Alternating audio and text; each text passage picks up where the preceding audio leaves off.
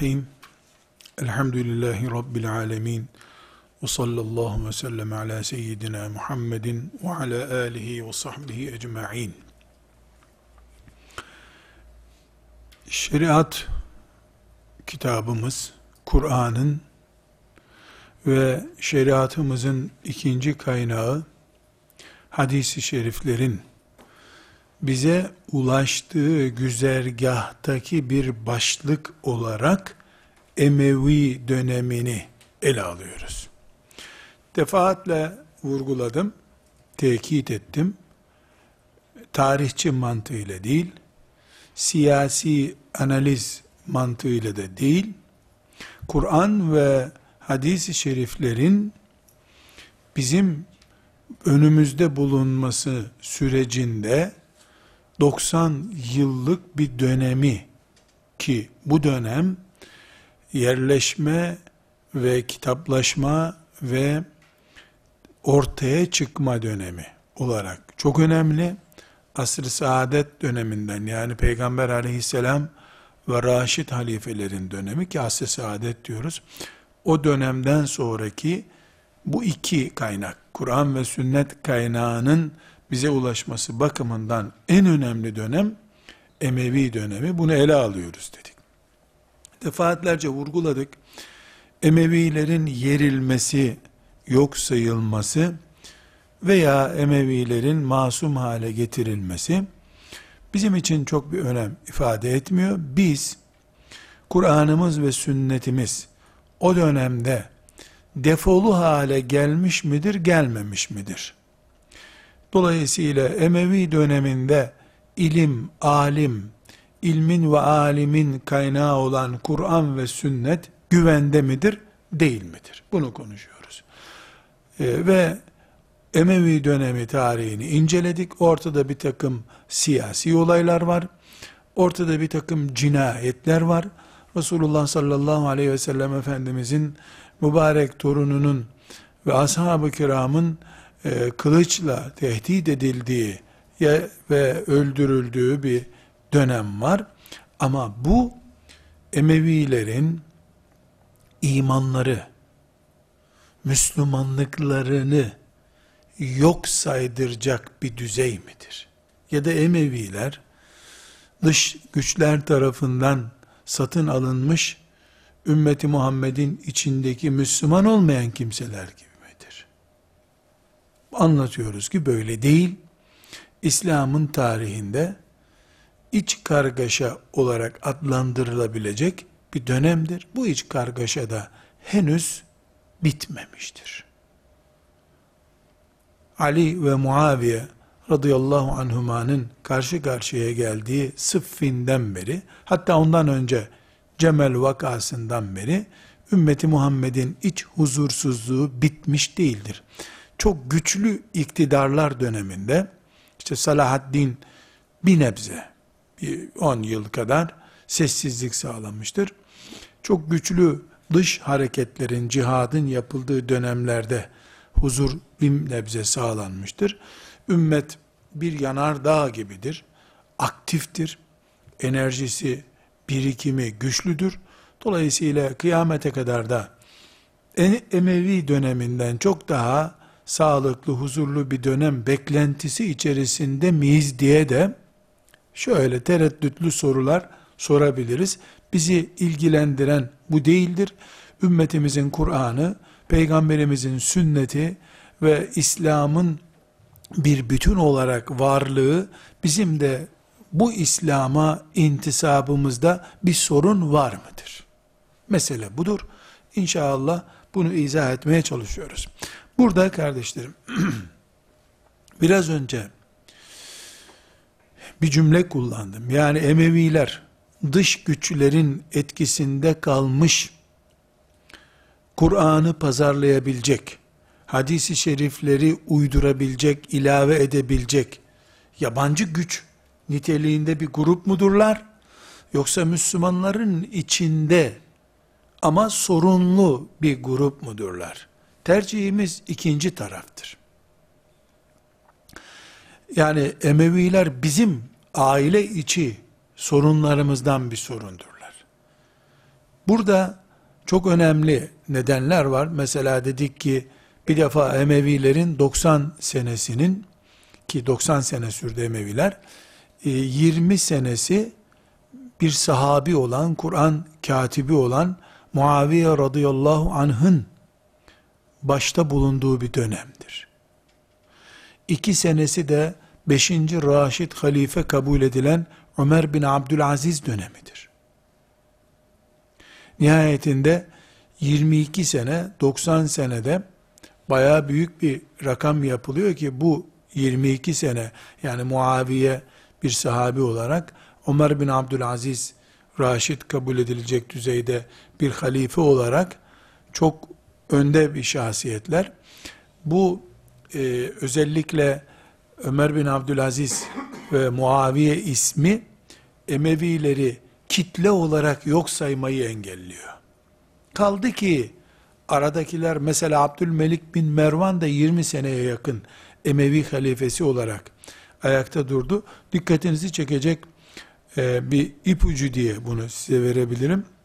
Abdülmelik bin Mervan dönemi dayak dönemidir Emevilerde. Haccacı kullanarak, Haccacı İbni Yusuf Es-Sakafi'yi daha önce e, bir derste zikretmiştim. Zehebi'nin onun hakkında kanaatini söylemiştim. Onu kullanarak şamara boğmuş. Yani şamarlamış ümmeti Muhammed'i. Buna rağmen Abdülmelik bin Mervan alim bir adamdır. Böyle belki Ebu Hanife gibi müştehit filan değil ama alim adamdır. Ne manada alim adamdır söylüyorum. Ayet nedir, hadis nedir, Resulullah'a yalan uydurmak nedir? Aleyhissalatü vesselam bunu bilen insanlar, böyle e, işte namazlara, toplantılarda giden adamlar değiller bunlar. Yer yer teheccüde kalkan adamlar. Siyaset gözlerini bürümüş, başka türlü bir şey yapabil, yapabileceklerini zannetmemişler. Siyasetle zor kullanarak ümmeti Muhammed'i idare etmeye kalkmış zalim adamlar. Ama kafir adamlar değil. Kur'an'la oynayacak adamlar değil. Resulullah sallallahu aleyhi ve selleme söylemediği sözü söyletecek adamlar değiller. Emevi ailesinde yani Yezid için en ağır şeyler söylenebilir. Kafirlik hariç. Ee, daha sonraki dönemlerde, son e, dönemlerinde, Ömer bin Abdülaziz'den sonraki dönemlerde biraz daha seviye düştü. Biraz daha değil derken çok düştü, seviye düştü. Ama Abdülmelik bin Mervan, Velid İbni Abdülmelik, Süleyman İbni Abdülmelik yaklaşık olarak 30-35 sene bunlar tutuyor. Yani bunlar din bilen, şeriat bilen ve Allah deyince e, oturan adamlar bunlar. İşledikleri cinayetlere rağmen. Burada özellikle kaçıncı defa tekrar ettiğimi saymadım ama basa basa söylüyorum. Emevilik bizim bir iç sorunumuzdur. İthal sorun değildir. Ümmeti Muhammed'in iç sorunudur. Dolayısıyla biziz. Onlar bizden, biz onlardanız. Bir bütün olarak Emevileri bu şekilde görüyoruz.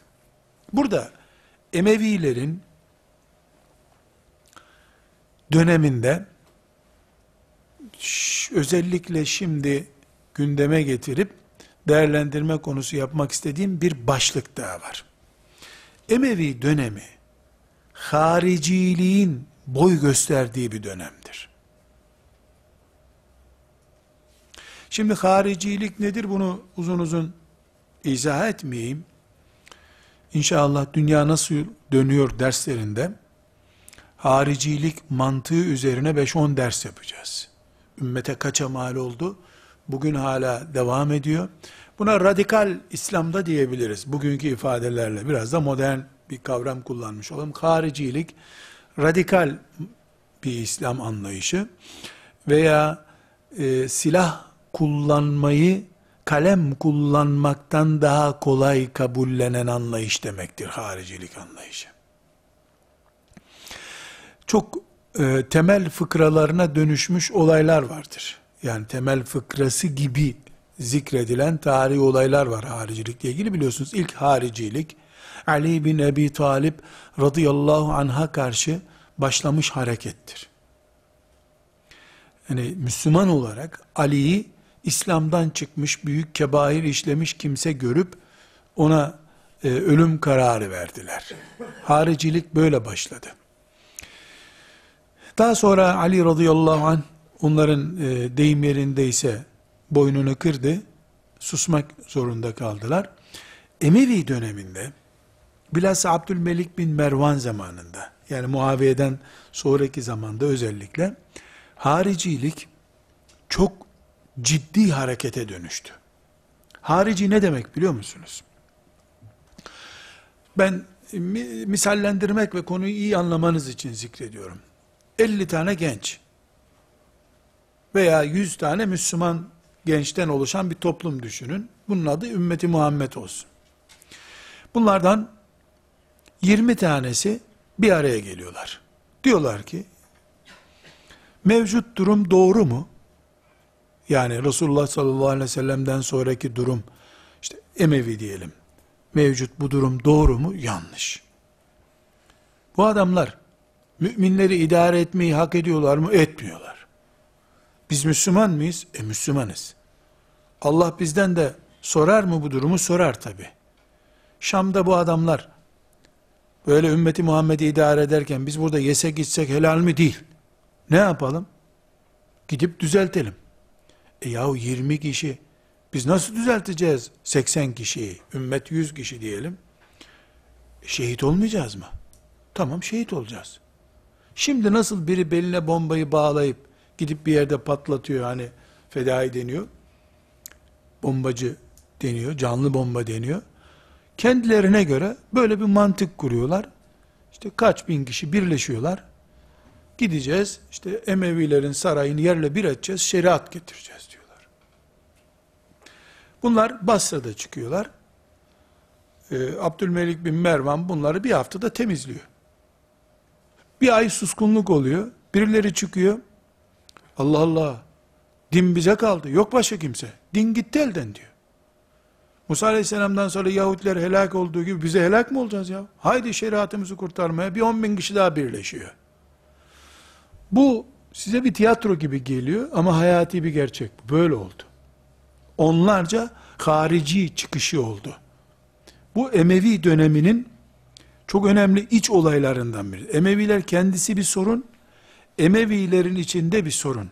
Arkadaşlar, bir cümle söylüyorum, kıyamet günü de bu cümleyi ben söyledim diye rahat dirileceğim için söylüyorum.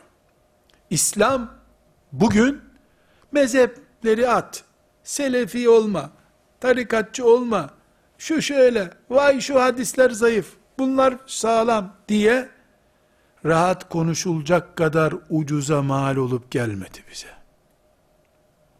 Milyonlarca mümin kanlarıyla harç yaptılar bu toprakta. Hatalısıyla, doğrusuyla, eğrisiyle ümmeti Muhammed tarihin kaydedemeyeceği kadar ağır faturalar ödedi. Selefiliği attın, tarikatı attın, mezhepleri attın, mezhep oldun bu kadar rahat konuşmak kelepur veya akılsız ifadelerden dolayı olabilir. Bu kadar ağır faturaların ödendiği 1400 seneyi yok sayıp bugün vahiy gelmiş gibi bir uygulama yapamayız. Çocukça bir hareket olur bu. Ümmetimiz büyük bedeller ödedi.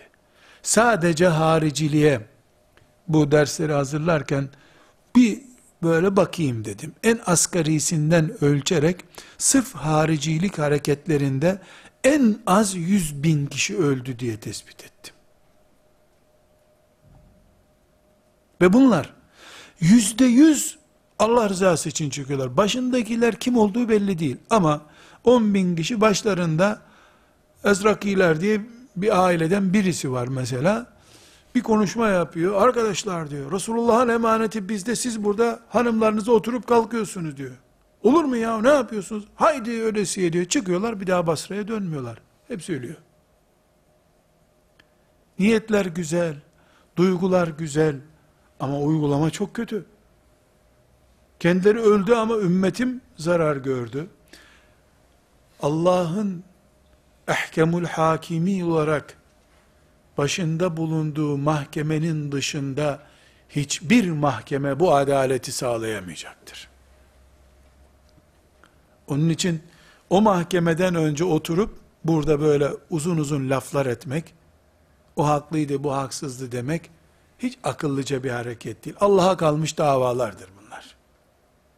Savcısı da Allah, hakimi de Allah, adalette Allah'ın adaleti çözülecek bu işler. Ama burada değil. Şimdi tekrar haricilik hareketine dönelim. Hariciliği dünya nasıl dönüyor derslerinde özel olarak inceleyeceğiz. Çünkü haricilik insan geniyle ilgili bir sorundur. Kıyamete kadar da kapanmayacak bir dosyadır. Görüyorsunuz her gün bir harici hareket çıkıyor. Üç tane talebe bir hocadan ders okuyorlar. Bir tanesi harici bir tip olarak hocanın başına bela oluyor. Bu insanla ilgili, insan yapısıyla ilgili bir sorundur. Çözümü yoktur bunun. Ama herkesin kendisini fitneden koruması mümkündür. Şimdi Emeviler döneminde haricilik çok yaygın diyoruz. Ne demek haricilik? Şeriattan kıl kadar taviz verilip verilmediğini ölçen hareket demek. Biri bastırılıyor, öbürü çıkıyor. Biri bastırılıyor, öbürü çıkıyor. Bu haricilik hareketi Emevilerin sigorta sistemidir aslında. Çünkü Emeviler haricileri ordularla bastırdılar. Ama Müslümanlara da biz şeriat erbabıyız canım, bunların dediği doğru değil demek zorundaydılar. Ne diye hariciler hareket yaptılar? Emeviler zalimdirler, despotturlar. Mesela hariciler e, Hz. Ali'nin, Hz. Hüseyin'in intikamı için de çıkmadılar. Bir tür üçüncü hareket onlar. Yani Emeviler Ali ve Hüseyin radıyallahu anhumanın karşı cephesi. Mesela daha şimdi biraz sonra göreceğiz. Alevilik diye bir hareket başladı. Şimdiki Alevilik değil. O zaman yani Ali'nin adamları diye bir hareket başladı. Onlar da Emevilerle uğraştılar. Ama bunlar hariciler. Orijinal şeriat adamları diye çıktılar ortaya. Dolayısıyla Emeviler deyim yerindeyse üst bir kontrol gibi haricileri hep başında hissettiler. Harici dalgalarının kasıp kavurduğu bir ortamda Emevilerden birisi Bagara suresinin 10 ayetini silin demeye cesaret edemez. Hariciler 10 bin kişi ise 500 bin kişi olurlardı bir haftada. Ellerinde hiçbir belge olmadığı halde halktan binlerce insanı topladılar. Bir de Abdülmelik bin Mervan yahut da Yezid Ali İmran suresinin 20 ayetini silmiş Musaf'tan diye bir haber duysalardı Emevileri sinek gibi ezerlerdi. Burada çok önemli bir nokta var. İlim erbabı olan kardeşlerim bunun üzerinde dursunlar. Haricilik Allah'ın gönderdiği bir sigorta gibi durdu Emevilerin başında. Bir fitne, bir bela ama ne gibi biliyor musunuz? Şimdi isim zikretmeden söyleyeyim. İlahiyat Fakültesinde e, bir fıkıh hocası arkadaşım dedi ki yahu dedi eskiden 163. madde vardı yazıp çizemiyorduk dedi. Şimdi dedi laik devlet serbest bıraktı bizi dedi. He, ne yazarsan yaz. Ya filanca hoca efendi dedi açıyor ağzını yumuyor gözünü doğru düz bir şey yazamıyoruz ya dedi. Televizyonlarda rezil oluyor insan dedi. Yani filanca hoca efendi kimi kastediyorsa artık isim vermeyeceğiz dedik. Filanca hoca efendi vay ehli sünneti taştı diye hemen ağzını açtığı için cesaret edip bir şey yazamıyormuş. Yoksa içinde yazacağı çok şeyler var. Dedim Allah'ın köpeği de olur, meleği de olur. Bazen köpek salar, bazen melek salar. Sana kimi saldığına sen dikkat et dedim ben de. Şimdi e, hariciler Emevilerin üzerine şeriatı korumak için salınmış bir e, ordu gibi duruyor. Hariciliği müspet görmek anlamında değil bu sözlerim. Bunu anlıyorsunuz. Hariciliği makul bir şey görmüyorum. Ama öbür tarafı da Emevileri de makul görmediğim için deyim yerindeyse Emevilerin ayak ayak üstüne atmalarına fırsat bırakmadı hariciler. Ve bu iki ay, üç ay sürmedi. Çok önemli bir ayrıntıdır. Ama haricilik ayrı bir konu. Onun üzerinde durmayacağız. İkinci sigorta gibi bir konu daha var. Bu da çok önemli arkadaşlar. Yüreğimizi parçalayan ve Emevi dönemine ait olaylardan birisidir. 20 yıl Hicretin 41. senesinde Emevilik kuruldu. Hasan radıyallahu anh'ın getirip hilafeti Muaviye radıyallahu anh'a teslim etmesiyle. 20 yıl Muaviye kaldı. Şu kadar bu kadar. Muaviye dönemi herkesin tamam halifemizdir, ümmeti Muhammed'in başıdır dediği bir dönem. Çünkü Hasan'a karşı bir saygısızlık olurdu bu. Hasan'ı kabul edenler onun yetkilendirdiğini mecburen kabul ettiler. Ee, daha önce konuştuk. Muaviye radıyallahu anh vefat edeceğini anlayınca oğlu Yezid'i yerine bıraktı. Bir iki sahabi hariç herkesin de onayını aldı bundan. Yarı resmi diyelim, yarı kabullenilmiş bir Yezid dönemi oldu. Yezid dönemi bardağı taşırdı ama. Çok kötü e, bir hataya düştü. Allah yani cehennemde yardım etsin ona mı diyeyim, ne diyeyim bilmiyorum. Ne edecek kıyamet günü merak ediyorum. Ne yapacak Hüseyin'in kanıyla? Nasıl Resulullah'ın huzuruna çıkacak torununu öldürmüş birisi olarak? Bunları konuşmaya gerek yok. Ama Yezid vefat ederken çok kısa bir dönem, 5 sene kadar kaldı. Bütün bu facialar o kısa zamanda yaptı. Onun için uzun iktidarda kalmak gerekmiyor. Şer sensen bir saniyede de yapıyorsun yapacağını. Hayır yoksa sende 50 senede yetmiyor bir insana. Yaşlı olsak da şöyle yapsak diyor ya gençler. Yanlış bu. Yapan bir ayda da yapıyor. Yezid yaptı işte yapacağını. Yezid vefat ederken oğlu Muaviye vardı. Dedesinin adını vermiş ona Muaviye. Çok kısa bir e, iktidar oldu ona bıraktı. Ona bırakışı yaşayan ashab-ı kiramın kabullenmediği bir olay oldu. Zaten o da kabul etti etmedi derken o da öldü gitti. Hastalandı öldü.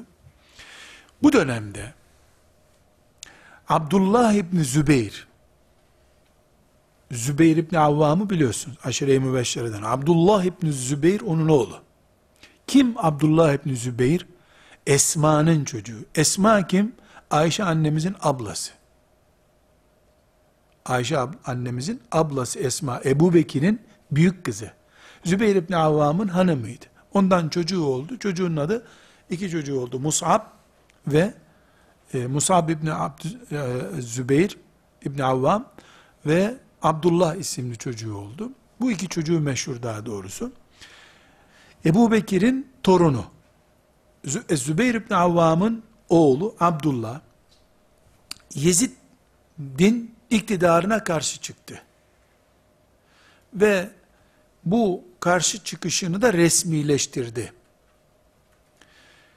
Ee, ve tam anlamıyla şimdiki siyasi literatürle söylüyorum. Yezid'in ölümüyle beraber özerk bir İslam devleti ilan etti. Başkentte Mekke'yi yaptı. Muaviye radıyallahu anh Şam'a taşımıştı başkenti. O Mekke'yi başkent yaptı. Şimdi kaç derstir dinliyoruz. İşte Emevi döneminin o kaoslu dönemi 25 senelik bir fırtına geçti. Ümmeti Muhammed çok üzgün ama Hasan radıyallahu anh teslim etti diye kimse bir şey demedi derken Abdullah İbni Zübeyir radıyallahu anh Abdullah İbni Zübeyir arkadaşlar sahabidir. Medine'de doğan ilk çocuktur. Muhacirlerden gelen ilk çocuk odur. E, Efendimiz sallallahu aleyhi ve sellemi bebekliğinde görmek ona nasip oldu. Dedesi Ebu Bekir, babası aşire-i mübeşşereden bir başkası, mücevherin içinde bir mücevher gibi bir adam, ibadetleriyle meşhurdur. Ee, çok e, vasıfları olan birisi, İslam devleti kurdum deyince, ümmeti Muhammed'de bir depreniş oldu, ayağa kalktı ümmeti Muhammed. Ama İslam'ın devleti var. E, bu devletin sınırları da bugünkü Libya'dan Azerbaycan'ın içlerini Hazar Denizi'ne kadar Hatay'da dahil, Hatay'da İslam toprağı, Hatay sınırları ve işte Arap Yarımadası, kaç devlet var bu coğrafyada düşünün, tamamı İslam devleti zaten. Abdullah İbni Zübeyir, İslam devleti kurduğunu ilan etti. Başkent Mekke oldu. Ee, kardeşi Mus'ab'ı da Irak valisi yaptı. Irak eyaleti oldu. Emeviler Şam'a sıkıştılar bu sefer. Şam Emevi devletinin daraldığı bir yer oldu. Yani bir tür e, Abdullah İbni Zübeyir'in devleti çok kısa bir iki yıl içerisinde parladı. Çünkü ümmeti Muhammed e, Yezid'in e, hilafetine zaten nefret etmişti. Ebu Bekir'in torunu Abdullah İbni Zübeyir devlet kurdum deyince gözünü yumup herkes teslim oldu. Şimdi siz kendinizi düşününüz böyle bir haber duysanız insan evini barkını bırakar gidip o devletin vatandaşı olmak için teslim olur. Ümmeti Muhammed öyle yaptılar. Böylece Hüseyin vakasından sonra radıyallahu anh yani Hüseyin şehadetinden sonra kitlesel en büyük hareket olmuş oldu. Ve bu işte Irak e, şimdiki Irak coğrafyasına bakın Suriye'nin dışındaki bölgenin adıdır. Suriye, Şam deyince e, bizim Hatay sınırından Mısır'a kadar olan bölgenin adıdır. Filistin Şam toprağıdır. Hadis-i şeriflerdeki Şam ifadesi Filistin bugünkü Gazze'yi ihtiva eder. Gazze Şam toprağıdır. Onun doğusuna doğru kalan e, Lut Gölü'nden sonraki yani bugünkü Ürdün'den sonraki bölgede Irak toprağıdır. O doğu tarafına Irak toprağı. Hadis-i şeriflerdeki Irak ve Şam böyle bir coğrafyayı yansıtıyor. Irak eline geçmiş oldu Abdullah İbni Zübeyir'in. Mekke, Medine ve Hicaz'da Abdullah İbni Zübeyir'in elinde kaldı. Hicaz neresi arkadaşlar? Hicaz e, şimdi Suudi Arabistan diye bir devlet var. Bu Suudi Arabistan devletinin e, denize bakan, Kızıl Denize bakan tarafında e, bizim Türkiye sınırından girildiğinde işte Arar kapısı diye bir kapıdan girilir. Aşağısında Medine var, Tebuk, Tebuk'tan sonra Medine var, Medine'den sonra Mekke gelir. Mekke'den aşağı doğru, güneye doğru inildiğinde Yemen vardır. O Yemen, Mekke, Medine, Türkiye sınırına doğru gidilen o e, yukarı doğru elif gibi olan haritada bir bakın tam elif harfine benzer. O bölgeye Hicaz denir. Türk örfünde Hicaz hacca gidilen yer anlamına geliyor. Mekke, Medine anlamına geliyor. O Hicaz bölgesi biraz daha coğrafya olarak büyüktür. Böyle dikey duran bir dikdörtgen gibi bir bölgeye Hicaz deniyor. Hicaz bölgesi, Irak bölgesi Abdullah İbni Zübeyir'in eline geçti. Bir 20-30 sene kadar süren bir devlet kurdu Abdullah İbni Zübeyir. Emeviler haricilerle uğraşıyorlardı. Musab bin Zübeyir, Abdullah'ın e, küçük kardeşi Musab bin Zübeyir, o da haricilerle uğraşıyor. Hariciler herkese karşılar çünkü. Kendilerinden başka kimseyi kabul etmiyorlar. Canları sıkılınca kendilerini de öldürüyorlardı. Öyle bir tipler. Çünkü ölüm gözlerini bürümüş, ölümden başka bir şeye tatmin olmuyorlar. Burada küçük bir mülahaza olarak anlatayım. Şimdi canları sıkılınca kendilerini öldürüyorlardı diyorum. Gülen arkadaşlar oldu. Öyleydi ama. Şimdi mesela e, sabah namazında camide buluşacağız diye karar etmişler. Böyle bir olay var onlara ait. Emirleri sabah namazına gelememiş. Kalkamadı, banyo yaptı, ne bileyim gelememiş. Toplanmışlar arkadaşlar demişler. Sabah namazına gelmeye söz verdik mi? Tabi. Emir yani liderimiz sabah namazında burada olacağız demedi mi? Dedi. Geldi mi? Gelmedi. Peki. Namazı evde kılmış olabilir. Ama yalan haram değil mi? Haram. Bu bize yalan söylemedi mi geleceğim diye gelmedi. Söyledi. Haram işleyen kebair günah işlemiş midir? İşlemiştir. Tamam. Biraz sonra gelmiş. Emir neredeydin demişler. İşte e, şuydu buydu. Öldürmüşler. Kebair işledin demişler. Kendilerini de öldürüyorlar. Çünkü göz bürüdü mü insan yani kendini e, öldürmesi, başkasını öldürmesinden daha hafif bir şey değil ki veya daha ağır bir şey değil ki. Can bu. Her halükarda e, Abdülmelik bin Mervan döneminde Haccac İbni Yusuf Sakafi nasipsiz adam. Namazlı niyazlı bir adam ama nasipsiz bir adam. Yani cennetten nasibi az bir adam. Kat kafir değil dikkatinizi çekerim.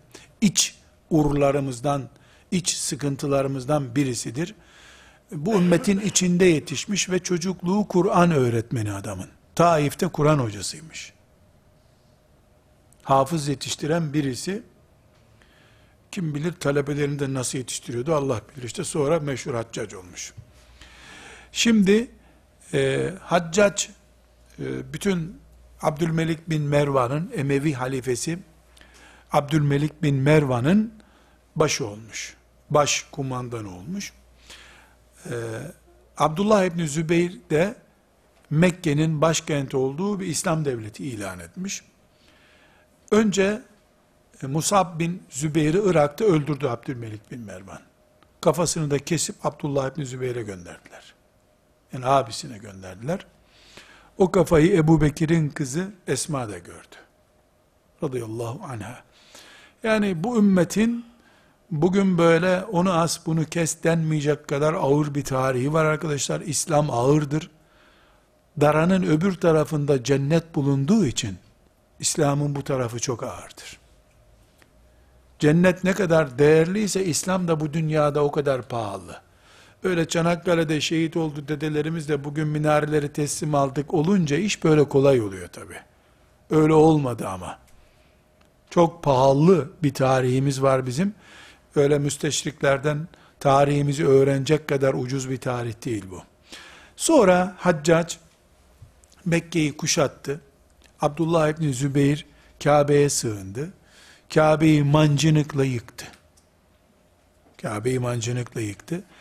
Ee, Abdullah İbni Zübeyir'i orada öldürdü. Tabi Abdullah İbni Zübeyir bir sahabi peygamber görmüş. Peygamber aleyhisselam efendimizin yanaklarına dokunduğu bir çocuk.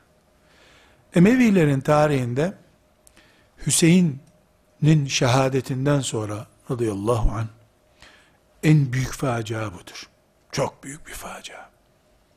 Çok kötü oldu. Ee, yani Abdullah İbni Zübeyir'in devleti de gitmiş oldu böylece. Abdullah İbni Zübeyir'den sonra Emeviler işi bitirdiler. Tam yüzde yüz her şeye hakim oldular. Hariciler de yıldızları söndü deyim yerindeyiz. Emevilerin bir faciası daha var. Yezid'in döneminde Hüseyin radıyallahu anh şehit edilince 63 yılında hicretin 63. senesinde yani Efendimiz sallallahu aleyhi ve sellem vefat ettikten 53 sene sonra Medineliler ne oluyor ya Resulullah sallallahu aleyhi ve sellemin torunlarına böyle dokunuyorsunuz diye bir hareketlendiler. Ciddi e, bir hareket oldu bu. Resulullah sallallahu aleyhi ve sellemin şehri, nasıl olsa buraya kimse bir şey yapmaz zannettiler. Yezid oraya da ordu gönderdi. Üç gün kadar yağmaladı Medine'yi. Hem kılıç kullananlardan istediği kadar öldürdü, hem de Medine'yi yağmaladı. Bu yağmalama, Şiilerin tarihinde yazıldığı gibi işte ölüleri şuraya fırlattılar, Cennetül Baki'den cesetleri çıkardılar, o değil yani. Karşımızda İngiliz işgal orduları yok. Yani kendisi Müslüman, öbür Müslümanı tedip etmek isteyen, hizaya getirmek isteyen bir zalim var karşımızda. Medine'yi yağmaladılar. Ne yaptılar? Yani izin almadan girin her evi arayın silah var mı evde dediler. Kapıya vurmadan pat küt girdiler evlere. Yağmalama dedikleri bu. Yoksa hurmaları köklerinden kesip aç bırakmadılar Medinelileri. Kuşattılar. Mescid-i Nebi'ye gelenlerin üstünü başını aradılar. Ne niyetle geliyorsun, namaza mı geliyorsun dediler. Resulullah'ın mescidine gelen bir Müslümanın üstünü aramaktan daha büyük ne olacak yağmalama? Evet ama haşa Resulullah'ın şehrinde yaşayan kadınları yani ifade ettiler gibi sözler doğru değil. Böyle değil yani. O, o manada yağmala bir İngiliz ordusu manasında değil yapılan şey. Nihayet e, nöbetleşerek Resulullah'ın mescidinden gelip namaz kılıyordu bu işgal ordusu. Medine'yi yağma, bir gariplik, bir gariplik. Allah sonumuzu hayretsin. Bu 63 yılında e, ceryan eden bu facia e, çok önemli. E, Medine'de e, ki işgal bir Hüseyin radıyallahu anh'ın şehadeti, Emevi döneminin kapkara lekesi. İki, Abdullah İbni Zübeyir'in Kabe'nin dibinde mancınıkla öldürülmesi, Kabe'nin kaza ile de olsa yıkılması, ikinci büyük facia. Üçüncüsü Medine'nin yağmalanması ve Medine'ye ordu gönderilmesi. En son yapılması gereken işte. Ama burada bu faciaları Hüseyin'in şehadetini görüp ibret alıp Medine'de böyle bir ayaklanma yapmayalım demeyenlerde de kabahat var. Nitekim ashab-ı kiramdan o gün Medine'de olanlar kenara çekildiler. Yanaşmadılar bu işe.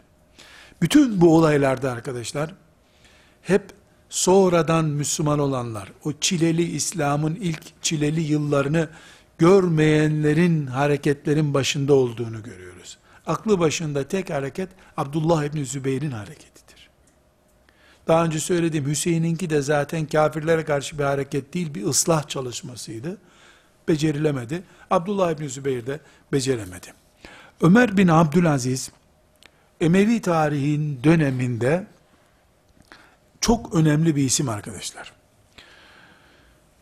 Ömer bin Abdülaziz, Mus, e, Emevi döneminde Muaviye radıyallahu anh'tan sonraki en değerli kişidir. Muaviye sahabidir. Ömer bin Abdülaziz sahabi değildir. Ama Ömer bin Abdülaziz kimdir? Ömer bin Hattab'ın oğlu Asım'ın e, kızı Leyla'nın oğludur. Yani Ömer bin Abdülaziz, Ömer bin Hattab'ın torunudur. Arasında annesi Leyla var, Leyla'nın oğlu Asım var, Asım'ın babası Ömer bin Hattab. Asım kim? Meşhur Abdullah İbni Ömer diyoruz ya onun küçük kardeşi. Bu Leyla kimdir? Leyla da şu Ömer bin Hattab radıyallahu anh'ın hani e, bir gece teftişe çıkıyor da bir kız annesi ona diyor süt karıştır. Süte su karıştır da çok olsun sütümüz. E, Ömer'in yasağını duymadın mı diyor. Süte su katmayın. Ömer uyuyordur şimdi diyor. Kızı da diyor ki Ömer uyuyor ama Allah uyumuyor diyor. Bu o kız işte. Ömer bin Abdülaziz'in kızı bu. Ömer de bu takva kızı gelin etmek istiyorum diye gitmiş yalvarmış. Oğlumla evlen diye. Asım e, gelmiş sırada evliliği varmış. Asım'la evlenmiş. Ömer bin Abdülaziz bu çocuktur. 61. senede doğdu. Medine-i Münevvere'de doğdu. 101'de de vefat etti. Demek ki 40 yaşında vefat etti. 38 yaşındayken de ümmeti Muhammed'in halifesi oldu. Arkadaşlar tarih çok net. Bu bütün Emevi zulümleri, fakirlik vesaireyi 3 ay içinde değiştiren bir adam Ömer bin Abdülaziz. Meleklerin bir devlet adamına nasıl yardım edeceklerinin belgesi Ömer bin Abdülaziz'dir. Ama ne yazık ki kendi sarayında zehirlenerek öldürüldü. Kaldığı evinde hizmetçileri tarafından zehirlendi. Bu zehirlenmeyi de derler Emevilerin diğer çocukları yaptı. Bizim için önemli değil. Kimin yaptığı Ömer ölecekti, öldü. İnşallah aradığı şekilde Rabbine kavuşarak öldü. Burada arkadaşlar Ömer bin Abdülaziz dönemi ve Muaviye dönemi. 20 sene Muaviye, 2 sene Ömer bin Abdülaziz dönemi. Size kardeş tavsiyesi, bir alim olarak demiyorum, bir kardeş olarak diyorum. Emevi dönemi hakkında istediğinizi konuşun, bu 22 seneyi çıkarın, pişman olursunuz kıyamet günü. Emevi döneminde bu 22 sene e, farklı bir dönem. Yani 90 senenin içinde bu 22 seneyi çıkarmak zorundayız. Eğer Allah için adaletle konuşacaksak, körü körüne kavga edeceksek zaten bir şey konuşmaya gerek yok, kavga edelim o zaman. Hicretin 132. senesinde 12 Rebül Evvel de Emevi devleti yıkıldı. 41'de kurulmuştu. 132'de yıkıldı. 90 sene kadar bir zaman yaşadı. Burada arkadaşlar yıkılınca Abbasi devleti kuruldu. Zaten Abbasiler yıktı Emevileri. Abbasiler kimdir? Kureyş'in öbür amca çocukları. Yine Kureyş'te kaldı İslam devleti. Biz tarihle ilgilenmeyeceğiz dedik. Onun için onunla ilgilenmiyoruz. Ama bir başlık açmak zorundayız. Emeviler Kur'an, hadis ve fıkıhla hareket eden bir devlettiler. İslam devletiydiler. Zalim ama İslam devletiydiler. Niye Allah onlara yardım etmedi? Niye çöktüler? Bu sorunun cevabını bulmak zorundayız. Çünkü yeryüzünde Allah'ın dilemesi dışında bir şey olmuyor. Yüzde yüz hak ediyorlardı da yanlış yoktu da öyle mi çöktüler? Yoksa bugün bizim kuş bakışı baktığımızda 1300 sene geri gittiğimizde sebeplerini görebileceğimiz bir netice mi? Elbette. Elbette neticesini göreceğiz. Allah'ın şeriatından koptular. Bilhassa Ömer bin Abdülaziz'in inşallah şehitliğinden sonra e, çizgi hepten bozuldu. Yani Yezid'in dönemin gibi açık büyük zulümler olmadıysa da facia olarak Yezid'in döneminden daha büyük bir facia yaşattılar ümmete. Saray e, entrikaları ve saray deptebesi aldı başını götürdü Emevi döneminde. Ölürken Emevi e, onuru kimse ağlamadı. Ne gökler ağladı, ne yer ağladı, ne yerde ne de yerdeki camide bir Müslüman ağladı. Emeviler gitti gitti. Çünkü zulmettiler, zalime ağlayan olmuyor. Zalimi sağlığında alkışlıyor insanlar ama ölünce alkışlamıyorlar da. Bizim topraklarımızın da zalimini biliyorsunuz. Ne alkışlar, ölümüne ölelim, dirilümüne dirilelim demeler ama neticede unutulup gidiyor zalimler. Unutulup gidiyor. Şimdi burada çok önemli e, bir sebep dizisi, beş sebepte ben bunları toplamaya çalıştım. Bu konuları çok iyi değerlendiren e, Sallabi diye bir zat var, Libyalı. Onun e, Emevi dönemine ait intibaları çok orijinal, e, çok güzel çalışmış. Allah razı olsun. Onun tespitlerini de esas aldım. Şimdi birinci sebep zulüm yaptılar. Allah zalime yardım etmiyor. Bitti. Ömer bin Abdülaziz'in iki yıllık adaleti, Muaviye radıyallahu anh'ın 20 yıllık adil tavırları 90 seneyi kurtarmadı. Bir, zulüm ettiler, Allah zalıma yardım etmez. Zalıma Allah mühlet verir. Yani ipini uzatır, süresini uzatır ama başıboş bırakmaz. Bir gün alır zalimi devirir Allah. İki, Ömer bin Abdülaziz, hem Emevi ailesinin içindeki dağ, e, zulmü, dağınıklığı, hem de İslam toplumundaki e, berbatlığı düzeltti. İki yıl içinde düzeltti. Ama Ömer bin Abdülaziz'in bu ıslahına karşı Emevi ailesinin içerisinde bir başkaldırma oldu. Dolayısıyla kendileri hazır rayına girmiş treni raydan attılar. Helaki hak ettiler. Emevi ailesi olarak. Üçüncü olarak arkadaşlar, meşhur bildiğimiz saray, israfı, lüksü, deptebesi Emevilere bulaştı. Lüksün girdiği yerde Allah'ın rahmeti yok. Çünkü adalet yok. Dördüncü olarak bilhassa son 15 senelerinde şura yok oldu. Şurayı ihmal ettiler.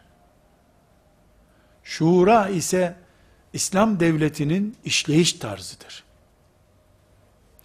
Beşinci olarak da Yezid'in babadan intikal eden mantıkla devletin başına geçmesi yani babadan oğula intikalin ne kadar kötü bir sistem olduğunu gördükleri halde kendileri düzeltelim bunu da babadan oğula geçmesin demediler.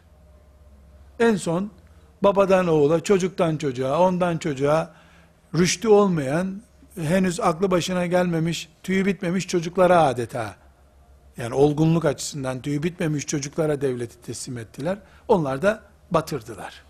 Bu beş sebebin hepsinin özeti Allah'ın şeriatından uzak kalmaktır. Başka bir isim bulmaya gerek yok. Burada can alıcı bir başlık açmak zorundayız kardeşler. Emeviler bu dönemde dine müdahale etmediler dedik. Zulmettiler. Hainlik yaptılar ama dine müdahale etmediler. Dinin kaynaklarına dokunmadılar. Dokunamadılar daha doğrusu. Belki dokunacak diniyette kimseler vardı işlerinde. Belki Yezid yapardı. Ama müdahale etmelerini engelleyecek bir iş var ki bu dersleri onun için yaptık şimdi. Bir, ashab-ı kiramdan e, şöyle sayayım 2, 4, 6, 8, 11, 15, 17, 20, 23 sahabi benim tespit ettiğim Emevi döneminde hala medreseleri olan ilim öğreten sahabiler var.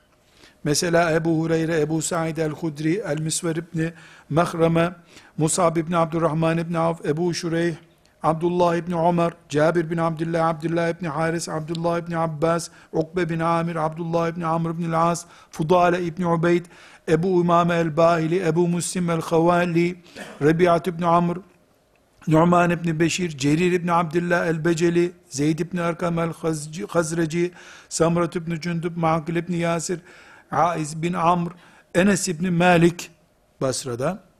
Bunlar sahabi olarak sağlar ve Emevi valilerinin bulunduğu yerde valilerin yanında ders veriyorlar. Bu haramdır, bu helaldir diyorlar.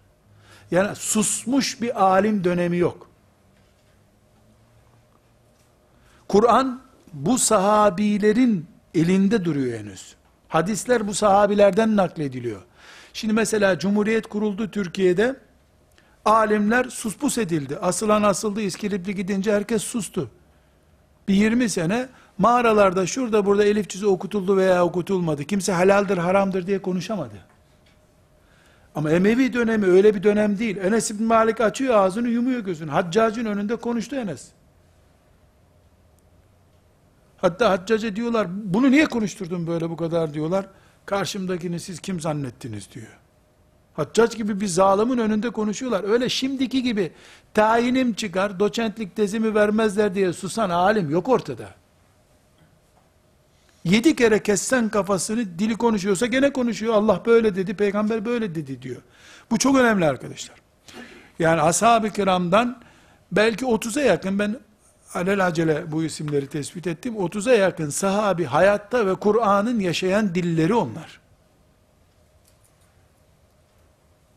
Bu önemli.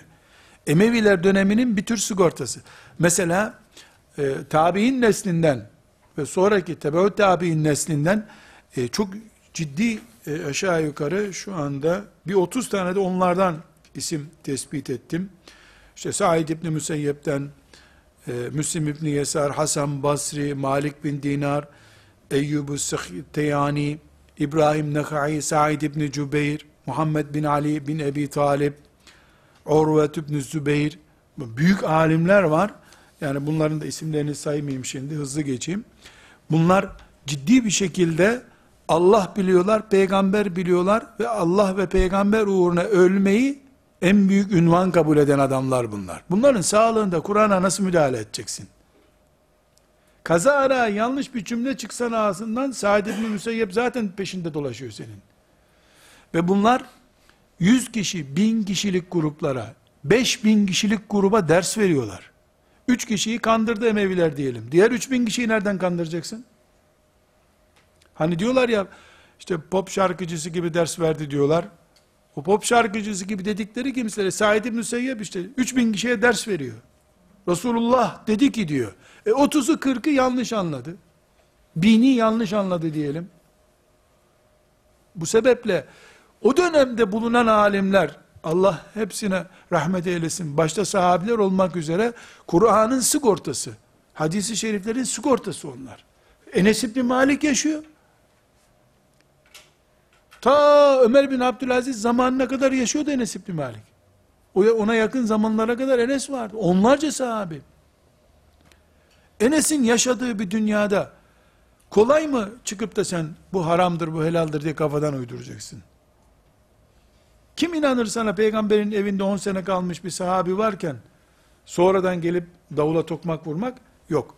Hatta bundan da daha ilerisi Abdullah ibn Amr ibn el-As, Ukbet ibn Amir, Numan ibn Beşir, Ebban ibn Affan e, bunlar e, sahabe ve sahabi çocukları olarak eyalet görevi aldılar Emevilerden. Yani Emevileri sildim deyince diyelim e, Muaviye radıyallahu anh işte Ali'ye karşı çıktı diye sildim. Bir sürü sahabi de e, vali görevi yapmış. Veya filanca görevde bulunmuş da özellikle mesela Emevi döneminden sahabi valileri tespit etmek istiyorum. Ömer bin Abdülaziz, Ebu Bekir, Muhammed ibn Amr ibn Hazm var mesela. Bunlar tabii çocukları ve de tabiiler. Bunlar mesela Medine valiliği yapmışlar. Emevi valisi bu. Bir vali ne demek? Yani merkezdeki halifenin yetkilisi demek. Yani alimler o dönemde aktif varlar kardeşler. Kampa çekilmiş değiller. Biz bizim Cumhuriyet döneminin ilk yıllarına benzeterek alimleri piskos olup bir kenarda çekildi zannediyoruz. Asılanı asıldı. Said İbni Cübeyr'i öldürdü Haccac. Geri kalanı sözüne devam etti. Öyle çok sert bir devlet var sesimizi çıkarmayalım değil. Hadis halkaları devam. Kaldı ki hiçbir Emevi valisi, yöneticisi burada niye hadis okuyorsunuz diye bir kimseye bir şey sormadı hiçbir zaman. Siyasete karışma, Şam'da gelip halife olacağım deme ne yaparsan yap. Onların anlayışı bu. Bu artı çok önemli bir konu daha var. Emevi dönemi daha önce demiştik cihat dönemidir. Cihadın zirvede olduğu dönemdir. Bu alimler Emevi komutanlarının emrinde cihada gitmişler bir sürü. Ümmeti Muhammed'in o dönemdeki tabiinden bir aliminin kafir olduğunu, Kur'an'a müdahale ettiğini düşündüğü bir komutanın emrine gireceğini zannediyor muyuz arkadaşlar? Zorunlu askerlik mi bu nihayetinde?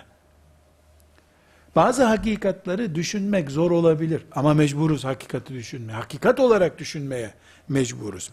Çok önemli bir başlık daha var. Bununla bitirmek istiyorum. Ebu Hanife Emevi döneminin çocuğudur. Çünkü 80'de doğdu. 150'de vefat etti. Şimdi bu dönemde yani Emevilerin e, son yıllarını yaşadı. E, ömrünün bir 20 yılı da Abbasi döneminde geçti. Ama Emevilerin deptebeli işte bu sallantılı dönemleri Ebu Hanife dönemidir. Ebu Hanife imamımız inşallah da kıyamet günü şefaatçimiz ne düşünüyordu Emeviler hakkında? Çok önemli arkadaşlar. Bir kere Ebu Hanife Alici idi. Tarafı Ali tarafıydı. Ama Ali radıyallahu anh'ı teyit etti. Ali'nin torunlarının başlattığı hareketleri destekledi. Fakat Emevi düşmanlığı yapmadı. Mesela Zeyd bin Ali bin Hüseyin var. Hazreti Hüseyin'in oğlu olan Ali'nin oğlu. Bu Medine'den bir hareket başlattı. Maalesef de şehadetiyle sonuçlandı. Zehebi diyor ki rahmetullahi aleyh keşke yapmasaydı ama şehittir inşallah diyor. Yanlış yaptı diyor. İbret almadı dedesinden, öbürlerinden niye ibret almadı diyor. Ama e, alim biri Alevi hareketi diye bir hareket başlattı. Yani Ali'nin izini süren hareket. Şimdiki Alevilik manasında değil. Ali'nin iki türlü Alevilik var. Bir tabi'in döneminde bir Alevilik var. Emevilere karşı Ali'yi savunan grup demek. Şimdi Alevilik bir mezhep türüdür. Farklı itikatları, farklı anlayışları olan bir mezhep türüdür. O zamanki mezhep değildir, siyasi bir harekettir. Bu e, mesela Ebu Hanife rahmetullahi aleyh Zeyd bin Ali bin el e, Hüseyin'e para desteğinde bulunuyor. Ama fiilen katılmıyor. Hareketin büyüsün diyor, kendisi katılmıyor. Rahmetullahi aleyh. Yani mevcut sistemi beğenmeyip daha iyisini aramak başka, Hariciler gibi kaos çıkarıp gürültü yapmak başka. Ebu Hanife'de gürültü yok. Gürültü yok. Ne var ama? Daha iyisini yapmak var. Allah'ın kaderine de bakın. Ebu Hanife'nin desteğiyle Abbasiler kuruldu. Ebu Hanife'yi Abbasi halifeleri öldürdü.